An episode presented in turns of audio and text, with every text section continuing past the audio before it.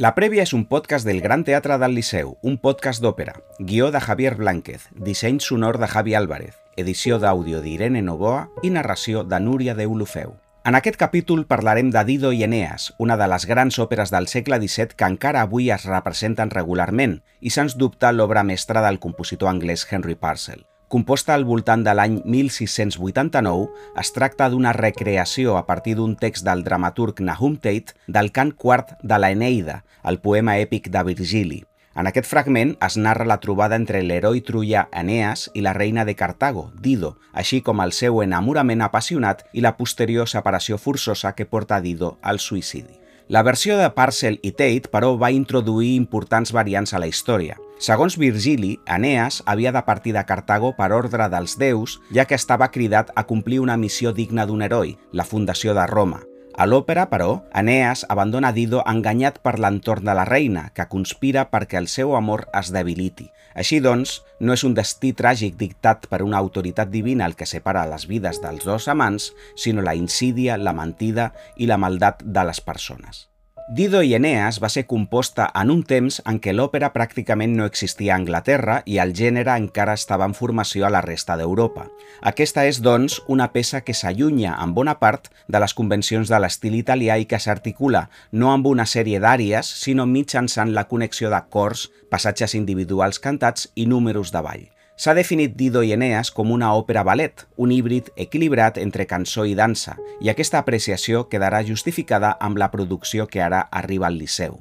La coreografia és la protagonista gràcies a una direcció d'escena centrada en els moviments del cos concebuda per Blanca Lee, que ha treballat en estreta col·laboració amb el director musical William Christie i la seva formació Les Arts Florissants, per oferir una versió de l'òpera molt nova en l'aspecte visual alhora que fidel a l'esperit de Parcel en l'aspecte musical.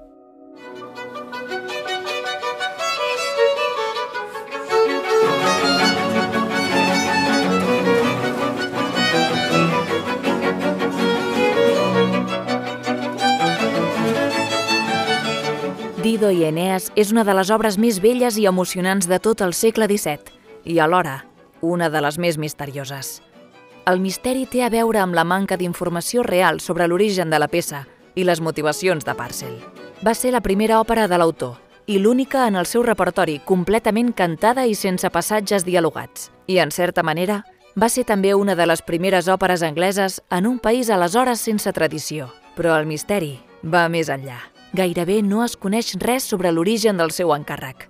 Només hi ha dades d'una única representació, en un col·legi per a nenes a finals del 1689, i també tenim la sospita que alguns fragments de la partitura s'han perdut.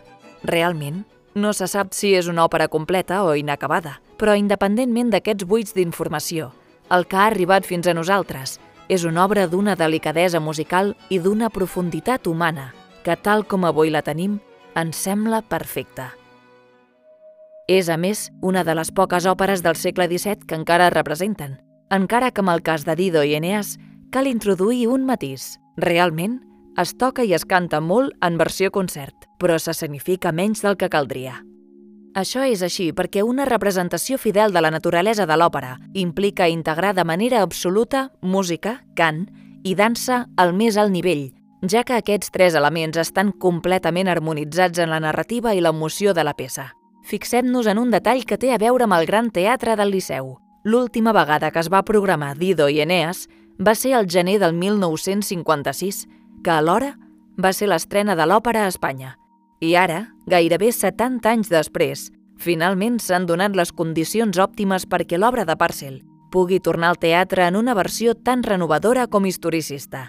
Aquesta nova coproducció que estrenarem, en què participen, a més del Liceu, els teatres del Canal i el Teatre Reial de Madrid, el Teatre de Versalles i el Teatre Imperial de Copieny, va sorgir de la següent manera.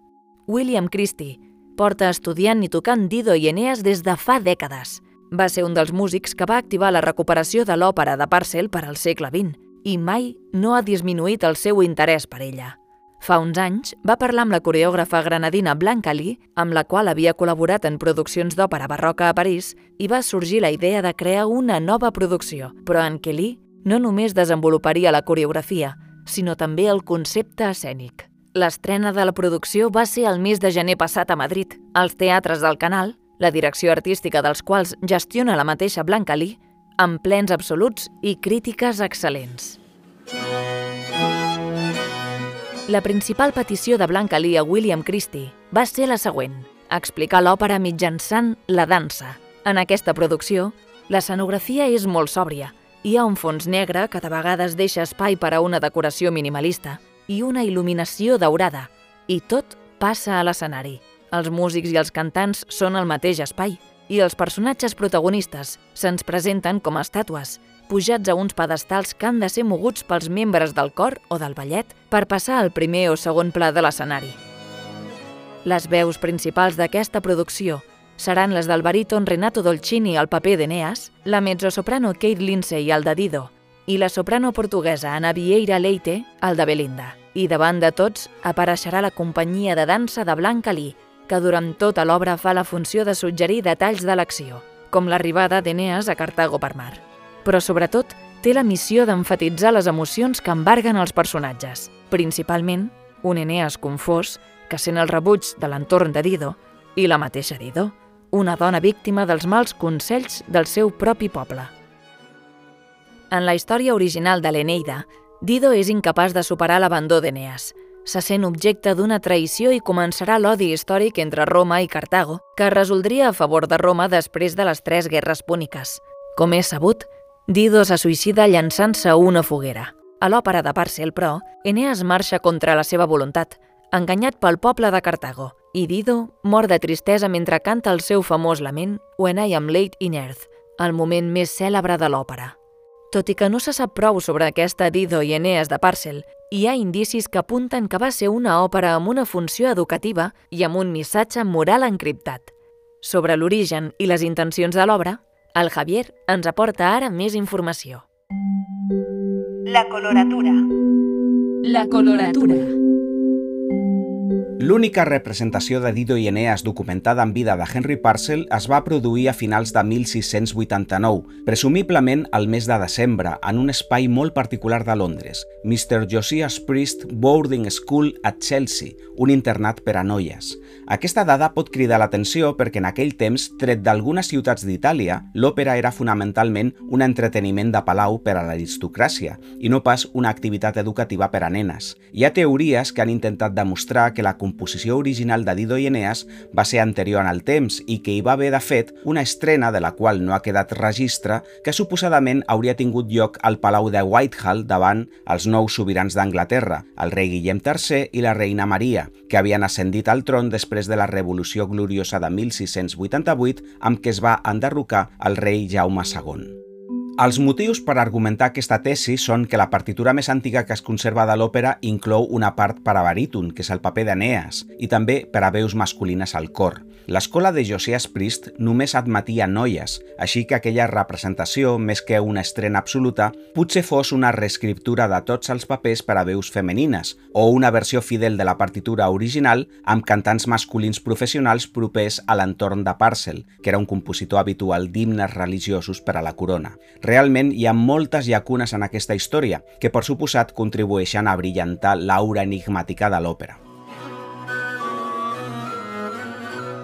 El que sí se sap és que Josias Priest va ser un important ballarí de l'Anglaterra de finals del segle XVII, bon amic de Parcel i futur col·laborador en algunes de les seves semiòperes posteriors, com King Arthur o The Fairy Queen. Priest va fer la coreografia de les 17 parts ballades de Dido i Eneas perquè les interpretessin les seves joves alumnes i sens dubte la col·laboració entre tots dos va haver de ser estreta, de la mateixa manera que ho va ser la redacció del llibret, escrit pel poeta i dramaturg Nahum Tate, una altra figura habitual a les estrenes teatrals de Londres i vinculat a la cort. Tot i això, Dido i Eneas no és una simple adaptació de Virgili. Se sospita que Tate, que havia causat una gran polèmica en el seu temps quan va revisar el text de Ricard II de Shakespeare per no molestar el rei, havia escrit una història en final diferent i en clau política. Una tesi estesa afirma que l'òpera és una advertència a Guillem III, que llavors estava embarcat en una llarga guerra perquè no renunciés a les seves funcions. La reina Maria, com Dido, havia estat abandonada a Palau i carregava amb la responsabilitat de tota la política nacional. Més enllà d'aquests misteris, l'existència de Dido i Eneas també ens parla d'un altre esdeveniment estrany, l'arribada de l'òpera a Anglaterra. Al segle XVII, a Londres hi havia dos tipus d'espectacles que unien la música i la dramatúrgia. Les mascarades, un entreteniment curtesà que mesclava dansa, declamació i música, i també el teatre cantat, és a dir, obres de teatre on solien inserir-se cançons, un antecedent de la posterior semiòpera que va practicar Parcel, on no hi ha una integració plena de la música i el diàleg, i també un precedent del music hall que arrasaria entre les classes populars segles després. Parcel va començar a escriure cançons per al teatre a la dècada de 1680, després que decaiguessin els encàrrecs d'himnes religiosos que havia estat la seva ocupació principal com a música al servei de l'Estat. Així, en entrar en un circuit profà i comercial, va ampliar els seus horitzons creatius.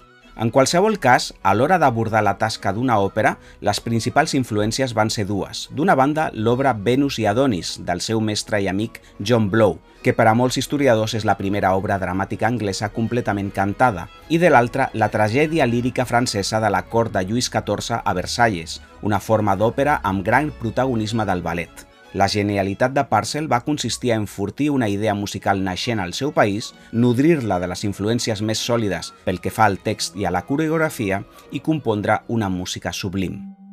Tanmateix, Parcel mai no va tornar a veure la seva òpera representada en vida. Després de la funció a l'internat de Josias Priest, Dido i Eneas no va tornar a pujar a un escenari fins al 1700, quan es va incloure en un intermedi d'una representació de mesura per mesura, una de les comèdies més ben resoltes de William Shakespeare. Però aleshores Parcel feia 5 anys que havia mort a l'edat de 36, quan era al cim de la seva fama i del seu ofici. Celestial music celestial music did the God inspire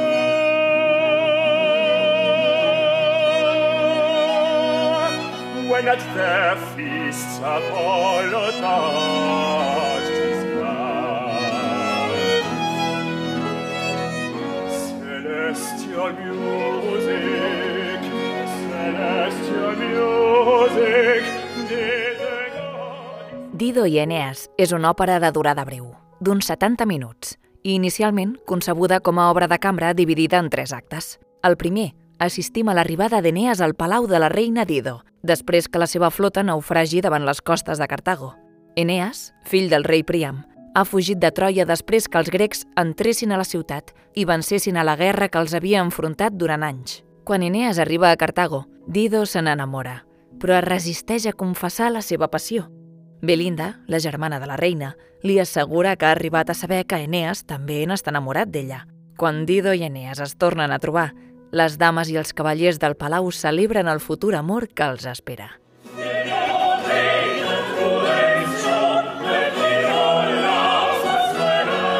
Al segon acte comença a desenvolupar-se una variació de la història que s'allunya de la narració original de Virgili.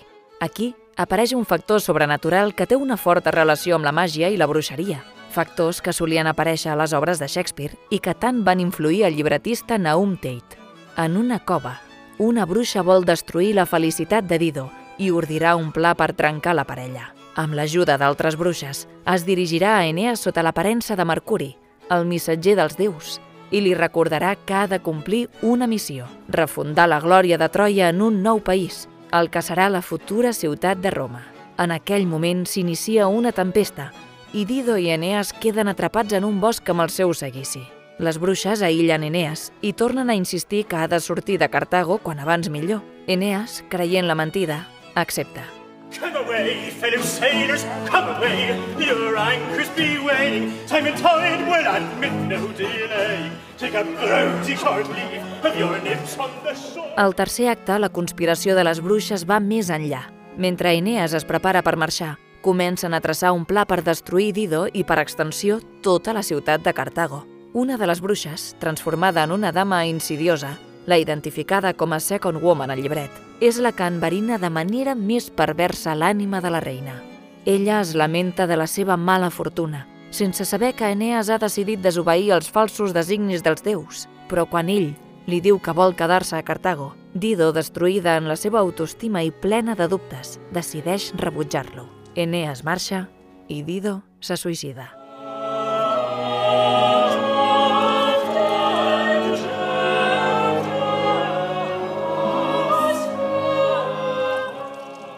Dido i Eneas no tracta sobre l'amor impossible, sinó sobre la mentida. A l'obra original de Virgili, Eneas ha d'abandonar Dido perquè és el seu destí. A l'òpera de Parcel, els déus no intervenen, i Eneas pren la seva decisió sobre la base d'una simulació d'una realitat que no existeix, i a més, sempre és a temps de comprovar la veritat i canviar d'opinió. Per la seva part, Dido és víctima de l'assetjament continuat i maliciós de les seves dames de companyia, entre les quals s'infiltren les bruixes per crear un clima d'opinió tòxic i que acaba assumint la reina en un estat de profunda desesperació.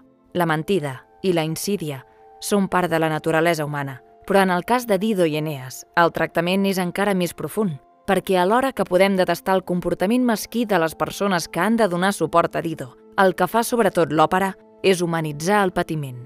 Sentim compassió per Dido, perquè la distorsió de la realitat ha arribat fins al punt que és incapaç de saber qui és i com pensen els que l'envolten.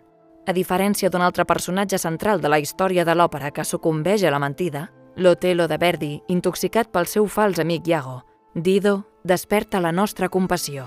Sens dubte, les parts vocals líriques que va compondre Parcel per a ella, en particular el lament abans del seu suïcidi, ajuden a tenir empatia amb ella. Aquest lament, per cert, és un dels principals préstecs que va incorporar Parcel de l'òpera italiana primigènia de Monteverdi, alhora que rebutjava l'estil nou de l'òpera sèria que havia desenvolupat la generació següent i que 25 anys després causaria furor a Londres després de la irrupció de Händel.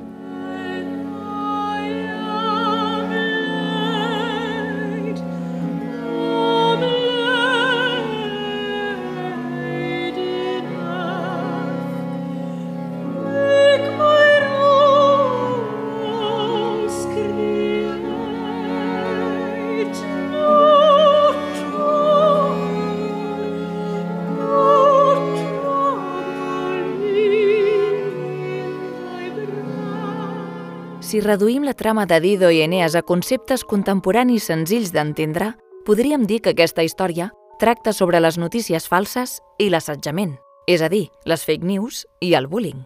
Sens dubte, Parcel mai no va poder arribar a pensar en aquests termes, però l'essència de la manipulació més grollera i la demolició més brutal de la voluntat aliena estan incorporades al centre de l'òpera i fan que encara avui no només ens captivi la bellesa i l'equilibri de la música, dominada pels baixos continus i el cant melismàtic característic de Parcel, sinó també la seva profunda exploració de la naturalesa humana.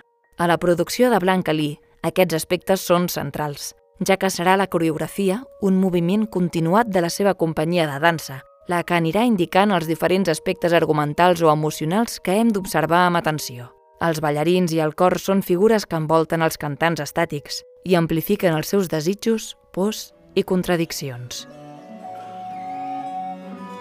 A més a més, el moviment té una funció afegida, convertir una òpera de cambra en una representació de més magnitud, capaç d'omplir un escenari gran com el del Liceu. Aquí, els decorats neutres i els jocs de llums subtils fan que centrem l'atenció al cos de ball, que en ocupar contínuament l'escenari, aconsegueix que percebem l'obra com una gran sinfonia del moviment. Una de les tècniques que més es fan servir és el lliscament dels ballarins sobre una superfície contínuament humitejada, aconseguint així una gran sensació de dinamisme. Alhora, això allibera els cantants perquè afrontin les seves parts concentrats pràcticament al complet en la veu. En conjunt, aquesta és una experiència embriagadora que recupera l'essència de Dido i Eneas com una òpera ballet tan revolucionària al seu dia com significativa en l'actualitat.